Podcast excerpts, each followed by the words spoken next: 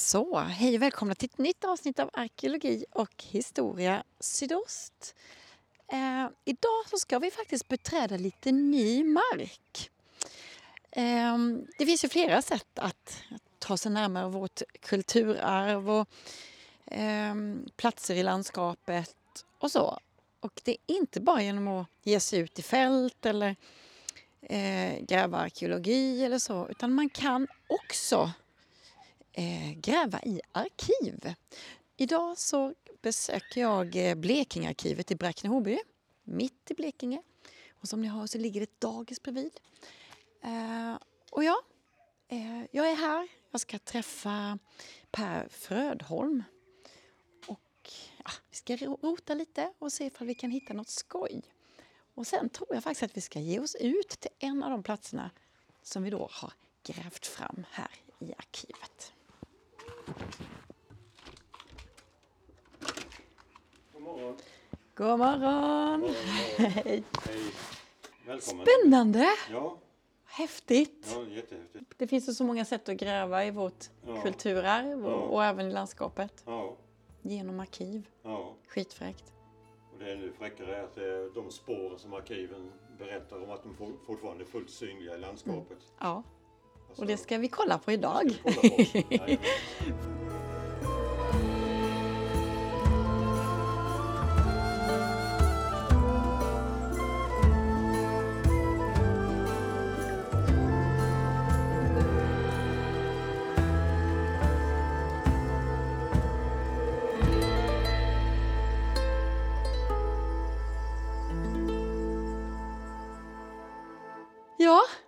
var börjar Ja, vi? var börjar vi?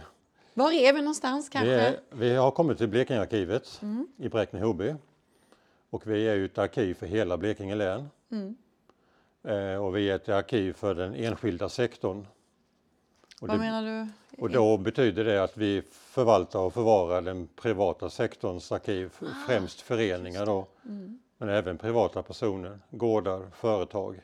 Hur kommer det, kommer det sig liksom att, det, att det finns överhuvudtaget? Eh, Alltså, alltså Blekingearkivet är ju startat som ett folkrörelsearkiv 1982. Och det var ju på initiativ av Blekinge läns bildningsförbund.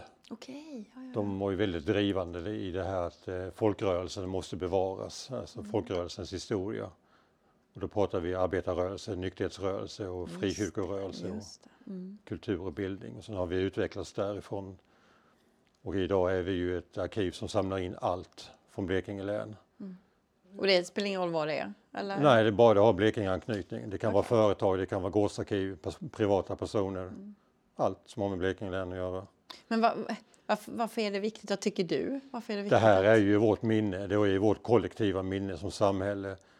I de här stora offentliga arkiven som stat, kommun, kyrka, det är liksom mera samhälle, det här ja, fundamentala, alltså kungarnas historia, statens historia. Här hos oss så har vi den lilla människans Och det historia. är det jag gillar. De som levde under stat och Ja, kommun och kyrka. Ja. Så det, är ju, det blir ju en extra dimension, Mm. extra spännande då man kan liksom hitta ja, den lilla människans ord och gärningar, Mm. vad de har tänkt och tyckt i vissa frågor. Spännande. Ja. Ska vi gå in eller? Gå in i magasinet? Ja. Ja, absolut.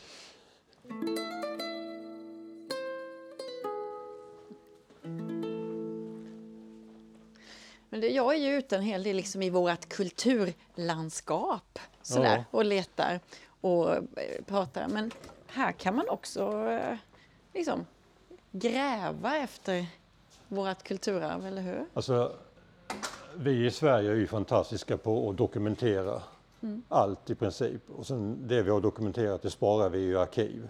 Just Vi är ju världsledande på den. eh, Det är så? Ja. Jag kan tänka mig det. Ja. Det är lite svenskt. Så vi, alltså det, bara här så, i, i vårt arkiv här så har vi även alltså, bevarade konamn. Vad kossorna hette under, under, under vissa perioder på Ja, all, alla gårdar i Blekinge. Alla går där. Så om, om, om du bor i Bränteknuva en, Mm. i en gård där så kan vi ta reda på vad kossorna hette 1967. Ja, så nu, då heter de inte E SE 365 Nej, de hette Ester, Blenda och Rosa och så. Det var roligt. Ja, bara, bara det, det är, det är, liksom, det är signifikativt för svenska, svensk byråkrati. All, allt ska dokumenteras, allt bevaras. Men det Sen- gör ju också att vi, vi har ju verkligen, vi kan ju verkligen titta tillbaka. Ja, Och då är det lite synd kanske om, om vi inte använder det här fantastiska materialet i, alltså i, i vår forskning. Alltså om man vill forska på sin släkt eller man vill forska på kulturlandskapet eller man vill, man vill, ha en annan form av kunskap om någonting så finns det ju i arkiven. Ja. Det kan visserligen vara väldigt tidsödande att hitta vissa uppgifter men oftast så finns de. Lite mindfulness nästan va? Ja, jo. Åh, vad häftigt. Ja. Du, men var är vi nu? Det Nu är vi inne i vår depå, Blekingearkivets depå. Det är ju här vi har alla våra samlingar. Wow! Här är typiska sådana hyllor man rullar va? Ja, vagnar på räls. Ja, just det. Och eh, det här magasinet rymmer ungefär en halv mil. Och vi har nästan fyllt hela magasinet idag Oj, ja. med dokument och handlingar Ja. och även föremål. Men förutom konamn, vad är det, vad är det mer man kan hitta? Om man Det, alltså det, det vi har mest av det är ju föreningshandlingar, alla Mm. typer av föreningar. Ehm, och varje förening har ju liksom eh, sina protokoll och sina räkenskaper bevarade. Mm. Oftast från dag ett och fram tills den dagen de slutade, om de nu gjorde det. Vissa föreningar lever fortfarande kvar men många föreningar är ju avsomnade. Men är det, är det bara, förutom papper, är det böcker? Jag ser här bakom, tag bort spriten ur Ja. våra hem. Hänger Ett standard, ja det var ju en, en viktig fråga i början på seklet, Ja. 1900. Det var ju ett stort superi, Mm. misär. Så det var ju sådana brännande frågor då ju. Och det är ju resterna av deras kamp, de här fanorna och standarden som finns här. Men är det, så förutom, om vi säger, eh, papper, vad har, man, vad har ni mer här då? Vi har väldigt mycket föremål. Föremål också? Ja. Alla föreningar har ju oftast föremål i någon form. Antingen har man ju pokaler, och, alltså priser man har vunnit och plaketter och sådär, glasvaser. Ja. Och många fan, eh, föreningar har ju fanor. Har man ingen fana är man ingen förening, så enkelt är det i gammal tid. Alltså, du måste ha en fana. Ja. För fanan är en väldigt stark symbol på att man är, vi är ju enade i föreningen. Det är vi tillsammans mot kampen. Mm. Det är vi mot orättvisorna. Så fanan är en stark symbol och då måste man ha en fana. Så idag så har vi 3030 för, olika arkiv här inne. Och de flesta är ju föreningar. Ja. Och då är det ju främst sent 1800-tal och fram till dagens datum vi har Ja, handlingar. ja, ja. Men har ni, vad är det äldsta ni har då? Det är från slutet av 1400. Så, så Men det är tyvärr inget Blekingematerial utan det är Nej. ett dokument som Karlshamns museum äger Okej. och de vill ha en trygg förvaring till det. Mm. Och det är ett köpebrev på en fastighet som ligger i Västsverige någonstans. Okej. Men det är oerhört spännande Wow. dokument ändå. Tänk vad häftigt. Ja. Och vad är det äldsta så här som är i Blekinge? Det, är ju, det måste ju vara 1643, det vi ska prata mer om idag då. Ja, Hålabäck. Hornlabäck ja. Ja, Så coolt. 400 år av eh, ja, träta och allt möjligt.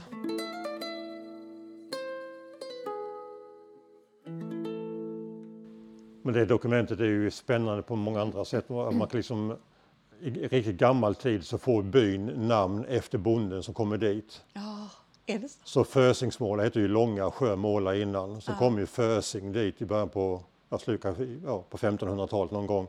Och då blir det Fösingsmåla. Det, Då gäller det att ha koll på vilka som har bott var ju.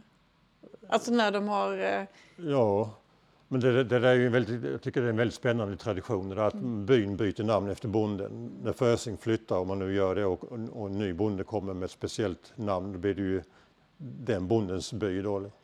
Som Risansmåla, det heter bonden Ris, eller Rise. Ja, Ris det Ris. visste inte jag. Nej, inte jag heller när, före vi fick det här dokumentet. Nej, det var ny spännande. kunskap som kom. Men och, eh, när slutade det? Vet man det? Nej, jag har liksom inte grävt vidare i det. Men Nej. Det är väl när man börjar närma sig mitten på 1600-talet för det kanske blir lite rörigt för staten när de ska skattlägga folk om byn byter namn ofta. Var, var är vi? I vilken by är vi? Ja. Vad hette det innan?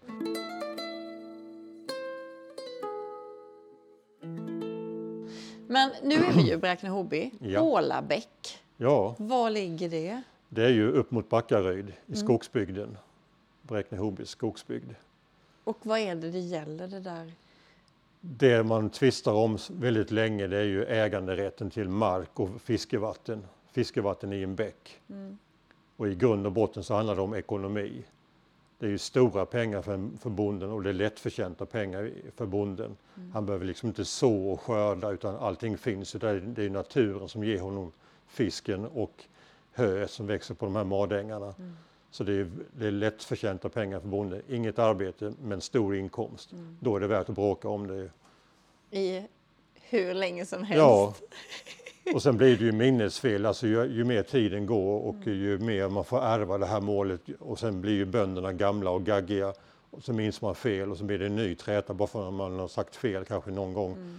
Så det, det, blir ju liksom, det blir bara en gråzon till slut. Alltså man vet inte vad det är man bråkar om längre eller, eller så. Det, liksom det tunnas ut men tvisten ska hållas vid liv ändå. Ja. Det... Kan man se det verkligen, alltså pappret? Ja. Har du det någonstans? Jag har plockat fram det till forskarsalen. Ja, ska vi gå dit? Ja då. Åh, gud vad kul!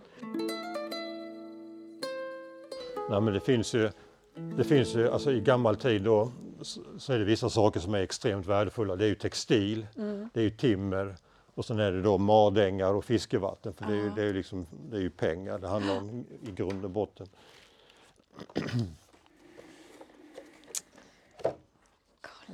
kolla. Oh, wow, ja.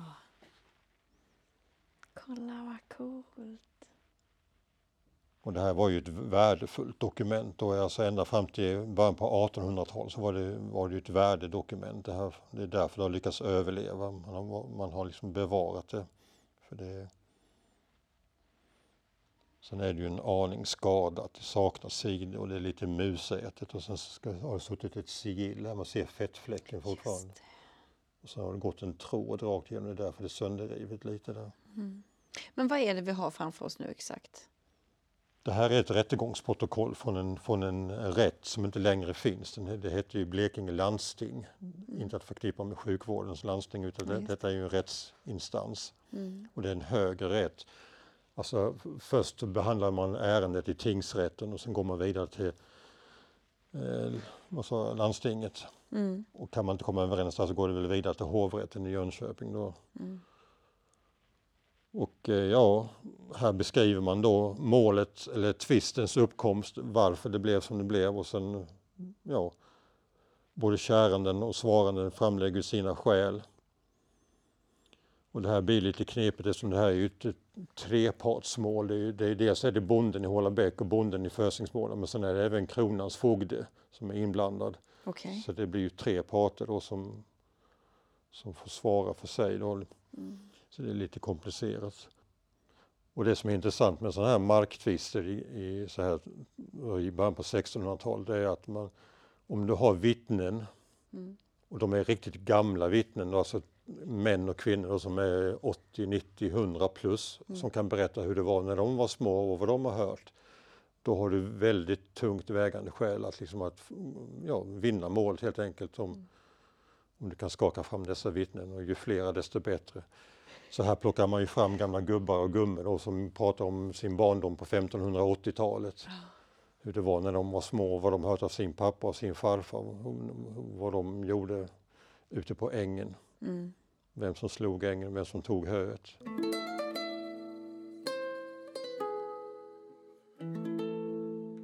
Och du har gjort en... Eh... Jag har läst igenom det här och skrivit av det på någorlunda... Oj, hjälp vad den är trasig. Oh, den första sidan är lite Jag vågar knappt röra. Wow! Och sen är jag så väldigt fascinerad av skrivarens disciplin. Alltså det är skottraka marginaler och det är exakt radavstånd och det är inga felskrivningar utan det är liksom wow.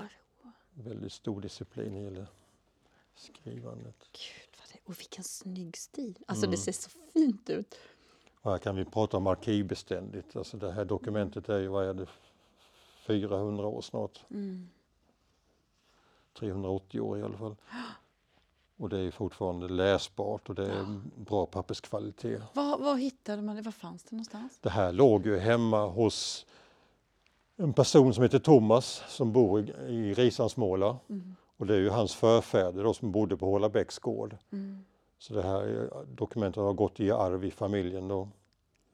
Oh. Så en, en, dag då för, ja, jag tror det var 2011 eller någonting eller tidigare, då kom Thomas hit som bor i Risansmåla och eh, ville lämna ifrån sig lite handlingar.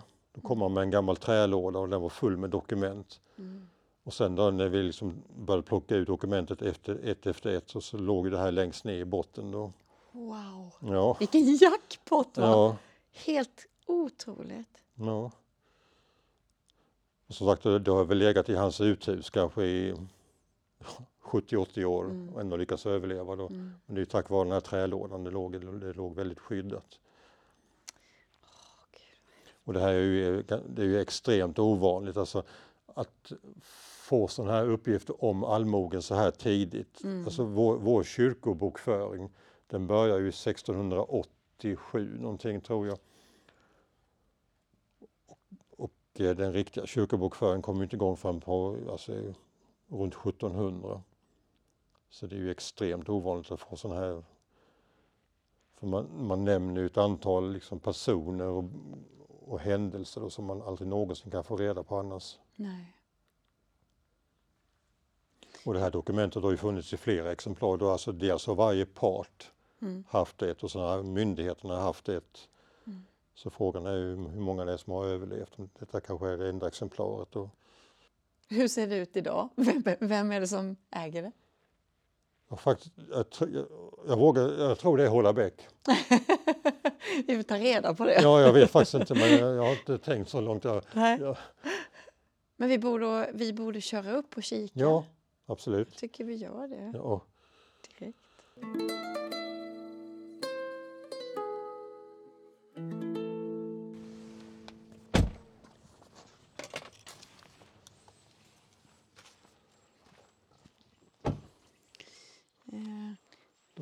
Frågan.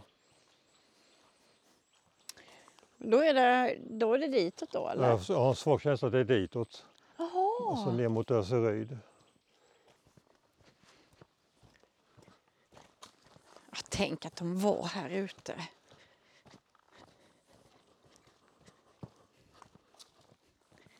Det man kan säga är ju att det där dokumentet får ju en, en helt en helt annan man får en helt annan Det är känsla. väl här nere de är va? Ja, kolla.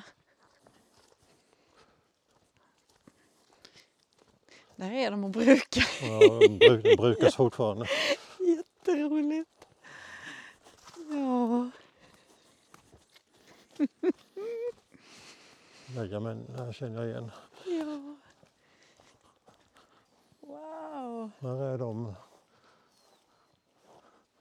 Och dimman lättar. Ja. Ja, det är fantastiskt alltså.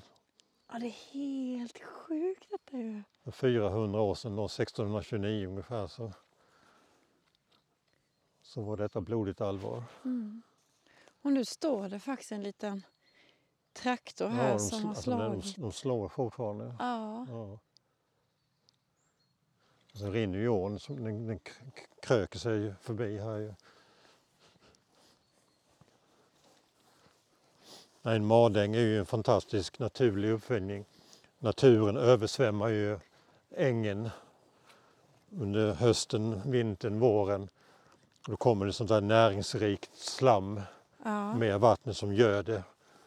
Och sen sj- sjunker ju vattnet undan under våren, sommaren. Då kan bonden komma här med sin lie och slå höet. Mm. Och så får han en daler per stack. Och man kunde få tio stackar här ju. Så tio daler fick han utan något speciellt arbete. Ja. Naturen vattnar, gödslar. Bonden skördar. Så det är klart att det här är värt att slåss för. Du får tio daler i näven. Hur mycket var det? Ja, det var mycket pengar. 1629. Det var mycket pengar. Alltså en gård, jag vet inte vad en gård kostar men det kanske kostar 50-60 daler att köpa en gård. Ja. ja, då är det ju... Mm. Nej, detta är så fantastiskt Per, att, man fick komma hit. Ja, Det är ju så ja, att häftigt. man kan fortfarande se när det är fullt öppen. Det kanske är lite, Ja. lite, lite mer sly men annars är den fullt öppen. Och sen krök sig bräknån runt. Och så det är precis nyslaget också. Ja, Så det har fortfarande en betydelse Ja. och används. Och idag så lever vi med foderbrist. Alltså sen 2018 så har vi foderbrist. Så all, allt som man kan slå är ju viktigt. Så man kan utfodra djuren. Och som du säger så är det ju väldigt stenigt. Det finns ju inga åkrar här. Vi är ju i skogsbygden. Det är bara sten. Ja. Sten och berg. Ja, det är klart att detta var värt att slåss Ja. för då. Och skogen fick man ju liksom inga pengar utan skogen hade man ju som till ved och byggnadstimmer. Mm. Eken var ju fredad till staten, till skeppsvirke. Så det enda man kunde livnära sig på det var ju med de här madängarna. Och helt otroligt vackert när solen går runt här nu så Ja, stiger dim- dimman släpper dimman släpper liksom. Wow! Sen står det en traktor där liksom. Ja, älvorna dansar och Ja. oj, ja, lite religiöst.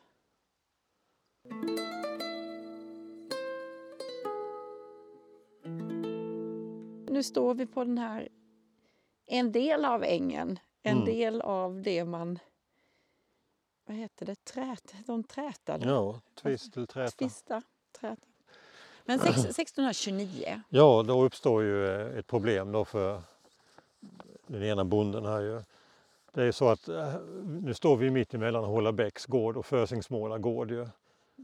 Vi har ju eh, Hålabäck Hållabäck till vänster om oss en bit upp och sen har vi Fösingsmåla ligger väl en bit framför oss här.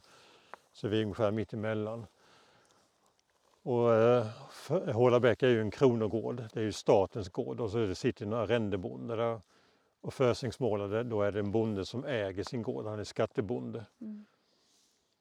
Och 1629 då är det som så att då kommer kronans fogde ehm, och eh, tar eller säljer den här madängen. Han säljer den till Fösingsmåla. får han betalt för det då alltså? Ja, staten får ju betalt. Alltså fogden, fogden plockar ju in köpeskilling och så. Men då, då, går ju, då blir ju bonden i Hållabäck, då Jöns Arvidsson, han blir lite irriterad för man, man kan inte ta en äng ifrån en kronogård och sälja den till en skattegård. Det är liksom tekniskt omöjligt, det är ju tjänstefel. Då har ju fogden trampat i klaveret och det har ju begått tjänstefel. Mm.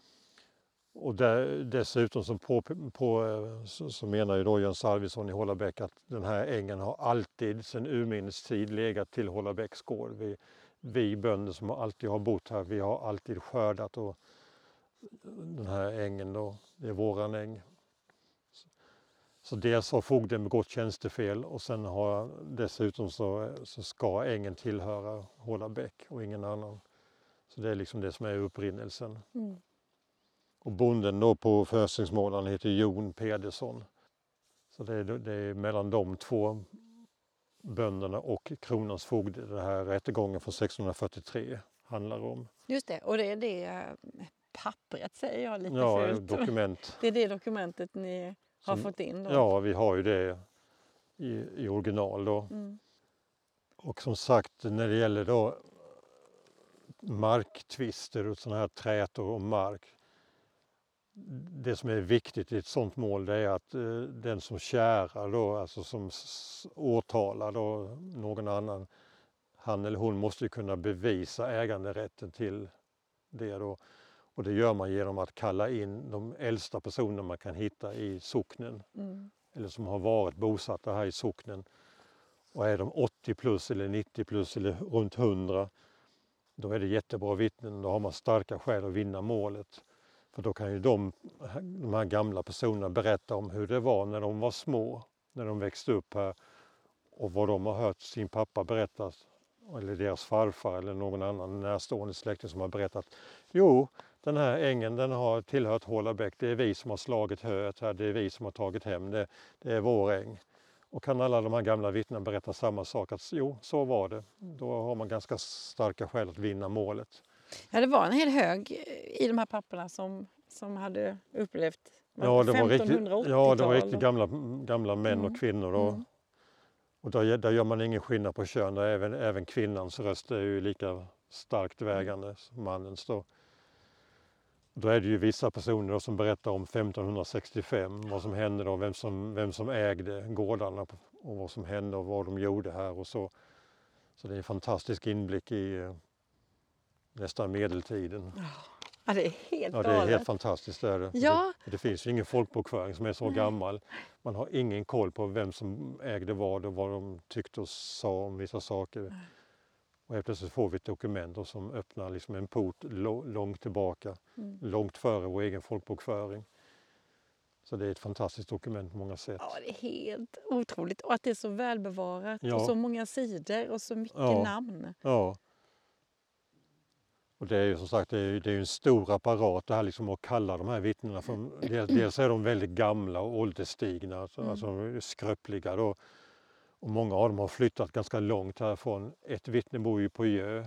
Mm. Då ska vederbörande antingen resa från Gö till tingsplatsen då och vittna. Och är man för gammal och skröplig då kan man vittna skriftligt. Och sen just lägger man in den bilagan i rätten då. Mm. Så det är några vittnen här som är lite skröpliga som inte orkar resa.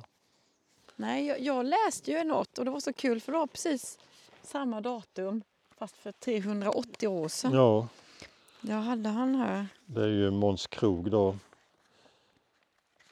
Han vittnar, ska vi se var du hittade det någonstans.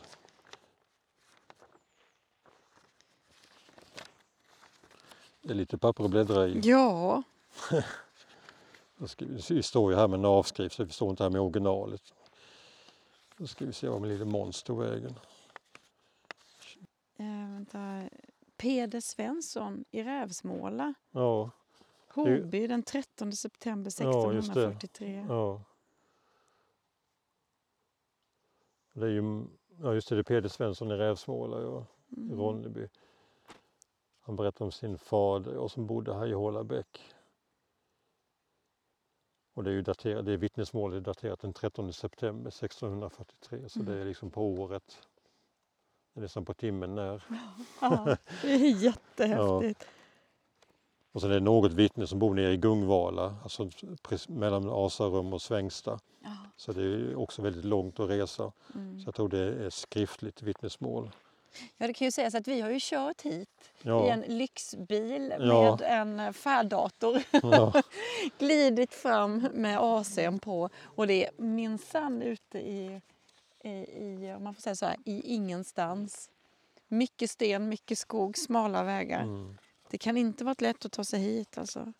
Eller, eller fraktas. Och här, här är det ganska uppenbart att vi befinner oss på det tredje trappsteget i Blekinge län. Ja. Det är ju ganska stora höjdskillnader, djupa raviner.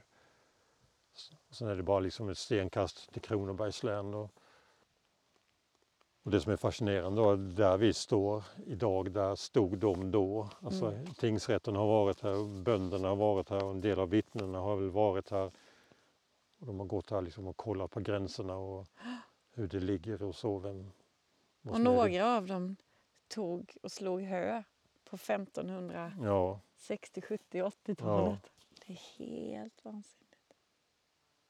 Och då ska man liksom tänka att landskapet här då, alltså de här träden vi har framför oss, som fanns ju inte här, det var, säkert mer öppet landskap. Mm. Det finns ju vittnesmål från andra delar av eh, trakten här att man kunde se milavis. Idag kan du bara se 100 meter så kommer det en granskog helt plötsligt. Ja, ja. Så det var mer öppet landskap.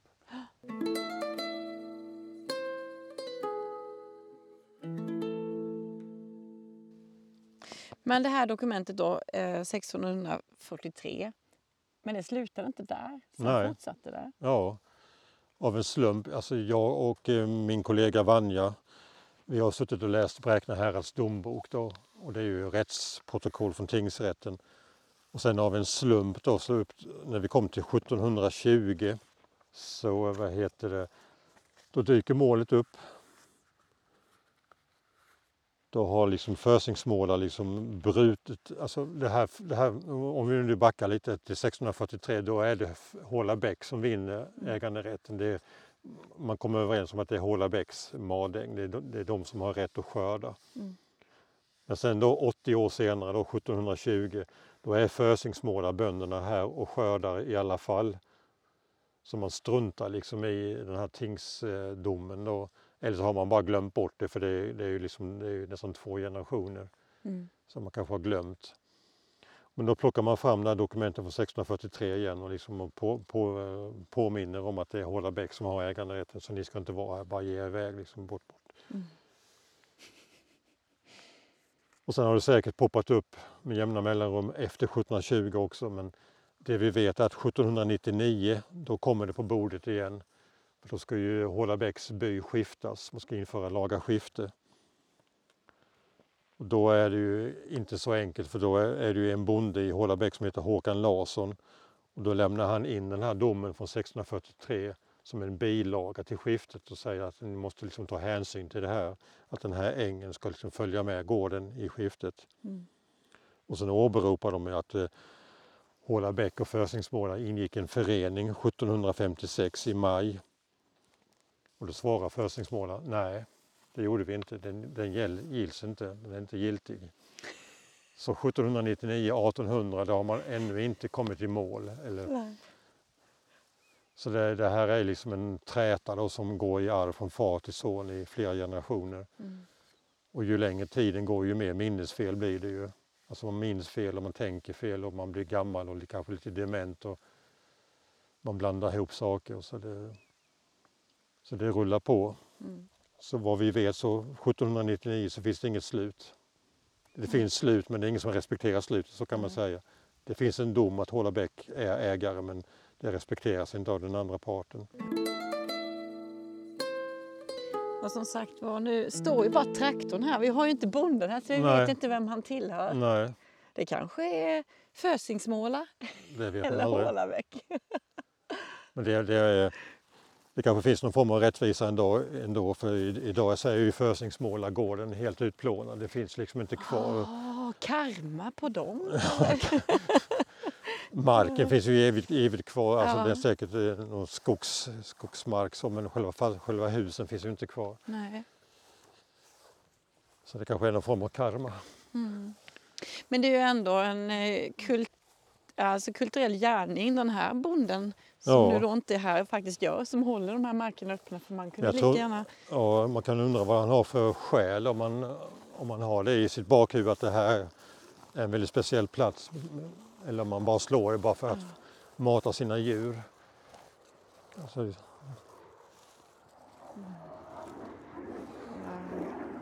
och här kommer F17.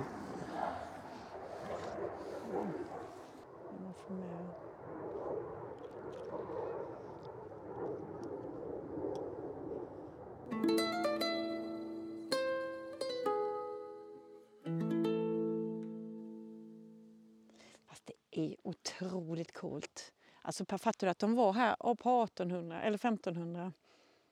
De har varit här från Tolv, 15, alltså- 16, 17 och 18. Ja, De är här idag också. ja.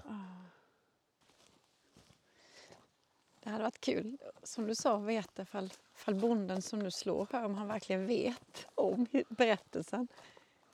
För han, eh, han som äger dokumentet som vi har tagit emot till arkivet, eh, Mm. Thomas heter han. Han är ju mycket medveten om den här tvisten. Ja. Så han har ju säkert fått höra den berättas av sin pappa och farfar. Mm. Som i sin tur har hört av sin pappa och farfar. Som i sin tur har hört den av sin pappa och farfar. Så det, det, det lever nog kvar i, i släkten. Ja, alltså för den som har intresse av att rota i arkiv så är det ju, det är ju en, en gärning verkligen att kunna lyfta fram sådana här berättelser. Ja, För så mycket närmare eh, än som jag har kommit idag, 1500-talet. Och människor som faktiskt levde då. Nej, 1500-talet är väldigt abstrakt när man släktforskar. Så för Ja, det, det man hittar från 1500-talet är kanske kyrkliga dokument då på lite halvlatin och som inte har ett skvatt att göra med allmogen utan det är mera religiöst ja, innehåll. Och här har vi ett dokument som berättar helt och fullt om allmogens vedermödor och allt möjligt. Nej, så det, är, det är ett fantastiskt dokument. Och sen ska man ju då ha i åtanke att vid den här tidpunkten som tvisten pågår, då är vi ju i Danmark. Just det. Det är ju inte i Sverige, Nej. det är ju, det är ju danskt, dans, det danska riket. Så vid Östdanmark, 1643. Ja, ja, ja, ja. freden i Brömsebro och allt möjligt. Ja, Freden i Roskilde. Mm. Så vi är fortfarande ja, i Danmark. Gud, ja, det är ju jättelångt tillbaka Ja. när man börjar titta Ja. på det så. Och som sagt vad de pratar om 1500-talet, 1560-talet, och då, då, är liksom, då har vi, är vi nere på Vasaätten, liksom begynnelsen på dem. Och, så det är liksom, det är liksom före allt egentligen. Ja. Och de gick där nere vi var precis och slog hö. Ja, Lyssnade på nästan samma det- musik från träden.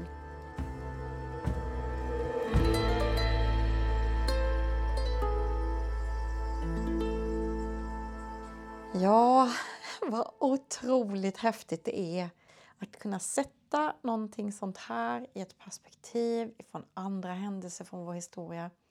Och då fattar man plötsligt hur himla länge sedan det var. Det är helt otroligt.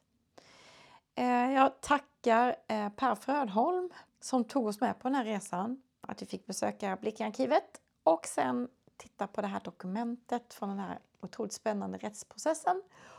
Och sen också faktiskt åka till den här hejan, eller den här ängen då. Eh, och få se den i verkligheten. Otroligt, otroligt häftigt.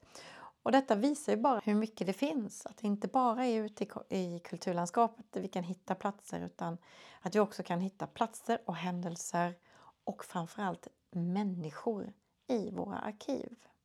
Men jag tänkte så här, innan vi lämnar det här bakom oss så är det så att jag sitter faktiskt med avskrift.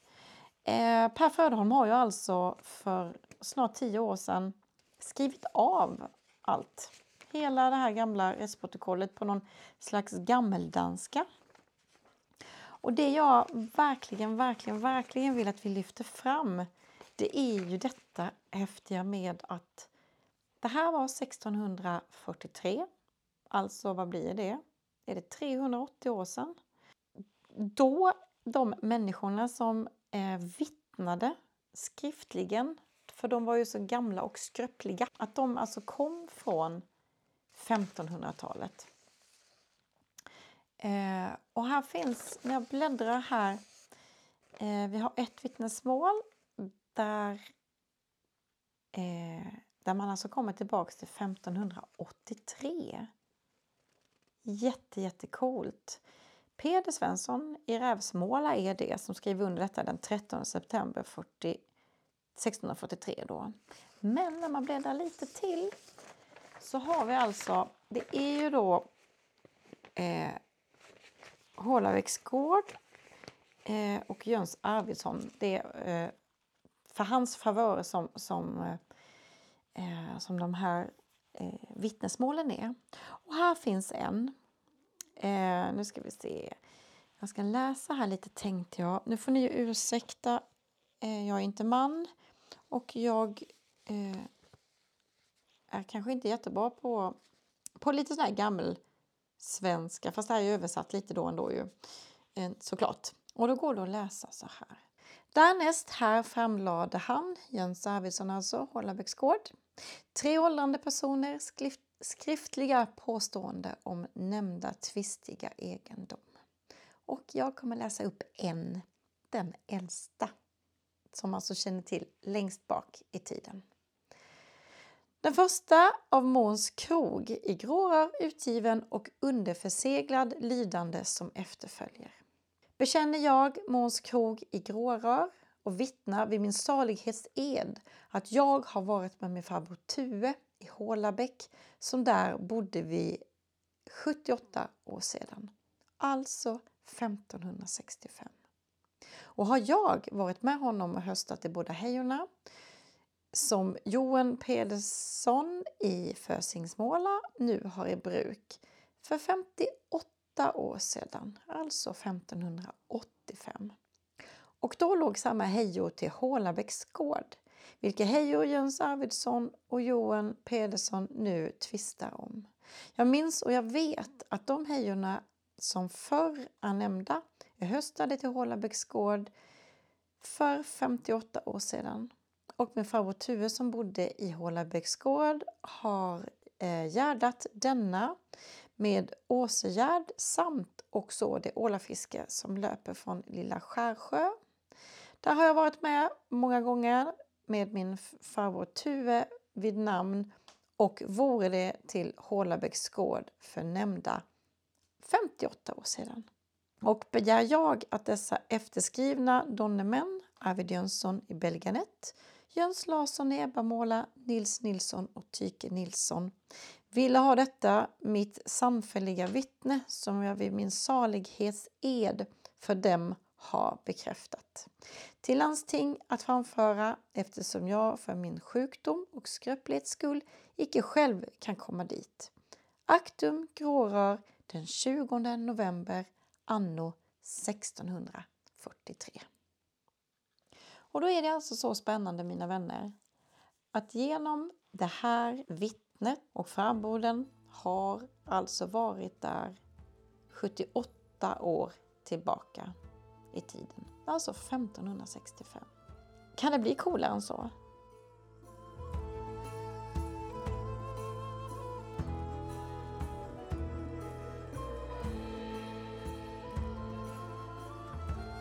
Tack Per Frödholm och så vill jag tacka Blekingearkivet, Kulturarv Blekinge och Region Blekinge för det är tillsammans med dem som jag har kunnat producera det här avsnittet. Vi kommer att få höra mer från Blekingearkivet lite längre fram men då blir det något helt annat. Och jag som är med dig heter Lena König. Och ja, du och jag, vi syns eh, om en vecka då blir det något nytt från ett arkiv, från fält, ute eller inne. Vi får se vad det blir. Det vi däremot vet det är att det har med arkeologi och historia att göra. Tack för att du har lyssnat.